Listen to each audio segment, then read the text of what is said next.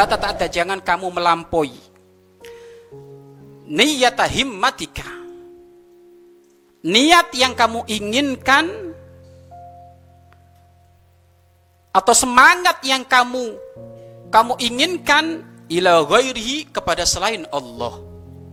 Fal karimu Allah Maha Pemurah. Allah Maha Dermawan. La tatakhattahu kedermawanan Allah tidak akan terlampaui, terlewati al-amalu dengan harapan angan-angan. La tata'adda. Jangan melampaui semangat yang kamu inginkan kepada selain Allah. Maksudnya gini loh. Ente itu jangan mengandalkan selain Allah. Percuma. Kalau kamu mengandalkan selain Allah nggak bakal dapat apa-apa. Kalau mengandalkan selain Allah yang ada kecewa, nestapa. Berapa banyak orang mau nagih hutang itu coba? Mau nagih hutang dari rumah sudah waduh, hutangku dipinjam dia satu miliar, duitku dipinjam dia satu miliar. Berharap dia kepada itu manusia untuk dikasih, tak taunya nyampe ke depan rumahnya diketok-ketok kayak apa pun ternyata orangnya nggak ada, kecewa.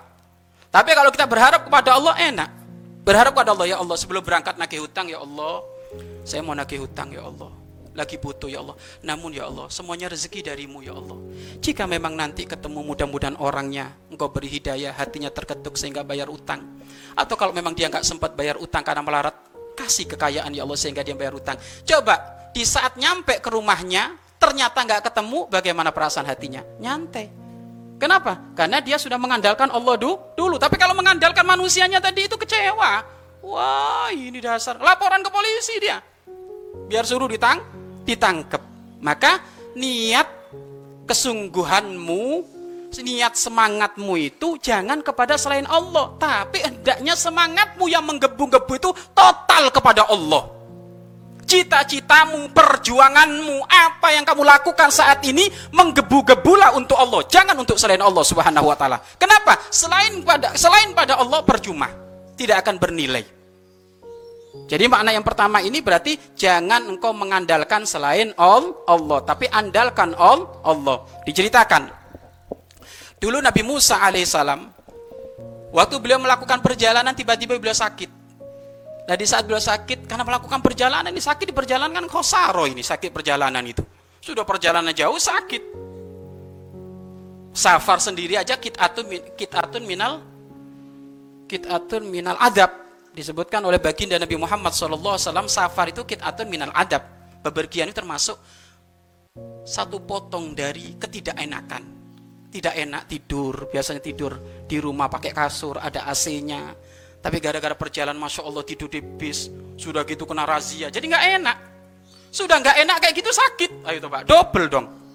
Iya kan? Lah, Nabi Musa ini pernah seperti itu. Lalu beliau ngadu kepada Allah. Habis seorang nabi ngadu pada Allah, ya Allah sakit ya Allah. Sakit ya Allah. Mohon dikasih kesembuhan ya Allah. Tiba-tiba Allah memberikan petunjuk kepada Nabi Musa alaihissalam untuk makan daun atau makan buah gitu. Anggap makan daun gitu. Makan daun sehingga dimakan daun tersebut dengan petunjuk Allah dengan taufik Allah akhirnya dimakan itu daun sembuh Nabi Musa alaihissalam Sem sembuh Alhamdulillah Lah suatu hari juga Nabi Musa melakukan perjalanan sakit lagi Sakitnya sama seperti tadi. Akhirnya Nabi Musa apa? Langsung ngambil daun tadi itu. Ngambil daun dimakan, nggak sembuh-sembuh.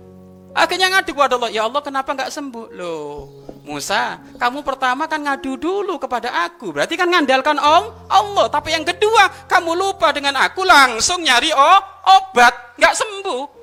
Nah ini loh. Tapi ingat, jangan sampai dengan ini nanti kamu lupa. Oh berarti kalau gitu nggak perlu ikhtiar ya Pak Ustadz ya, tidur saja. Jadi kalau waktunya kenyang ya kenyang, waktunya pinter-pinter. Lah ini bahlul murakab.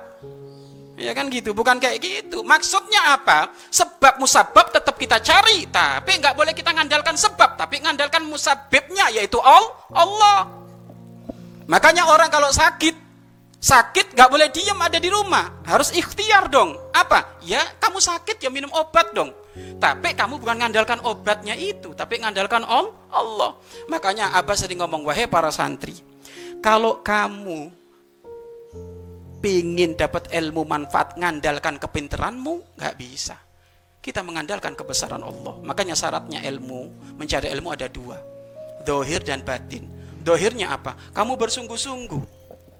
Bersungguh-sungguh itu apa? Waktu tidurmu kamu kurangi banyak menghafal, banyak murojaah Mungkin perutmu dilapar-laparkan agar supaya kecerdasanmu tambah. Seperti itu. Tapi ingat, nggak cukup ada di situ. Bagaimana? Bangun malammu, mengadu kepada Allah. Ya Allah, mohon dibantu ya Allah. Ilmu yang manfaat ya Allah. Nggak melanggar peraturan pondok. Nurut sama guru, nurut sama ustadz, nurut sama pengurus. Nah ini, ini, ini. Ini syarat batinnya, ini penting ini.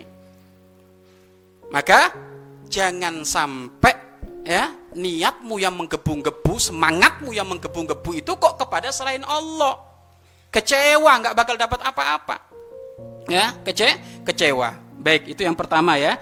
Jadi jangan minta pertol eh, ini jangan mengandalkan selain Allah tapi andalkan Allah dalam hal apa pun sudah aktivitas apa pun andalkan Allah kalau sudah kamu andalkan Allah itu sudah enak tapi ingat mengandalkan Allah yang butuh proses nak butuh proses Prosesnya bagaimana? Engkau mungkin dengan membaca Al-Quran, terus kumpul dengan orang, kumpul di majelis seperti ini kan nggak bisa. Itu iman, itu itu itu mak urusan batin itu, urusan batin. Tapi kalau kita berusaha dengan majelis seperti ini terus hadir majelis, hadir majelis, hadir majelis, insya Allah kita bisa mengandalkan Allah Subhanahu Wa Taala sehingga banyak dulu itu di masjid ayat At-Taqwa itu ya teman-teman kita sebelum ngaji ke Buya itu dulu kalau punya duit 50 ribu di sakunya itu udah bingung. Ya Allah duit kok tinggal 50 ribu? Padahal sekarang masih tanggal tanggal 15 masih 15 hari lagi. Loh dia bingung karena dia tidak mengandalkan Allah.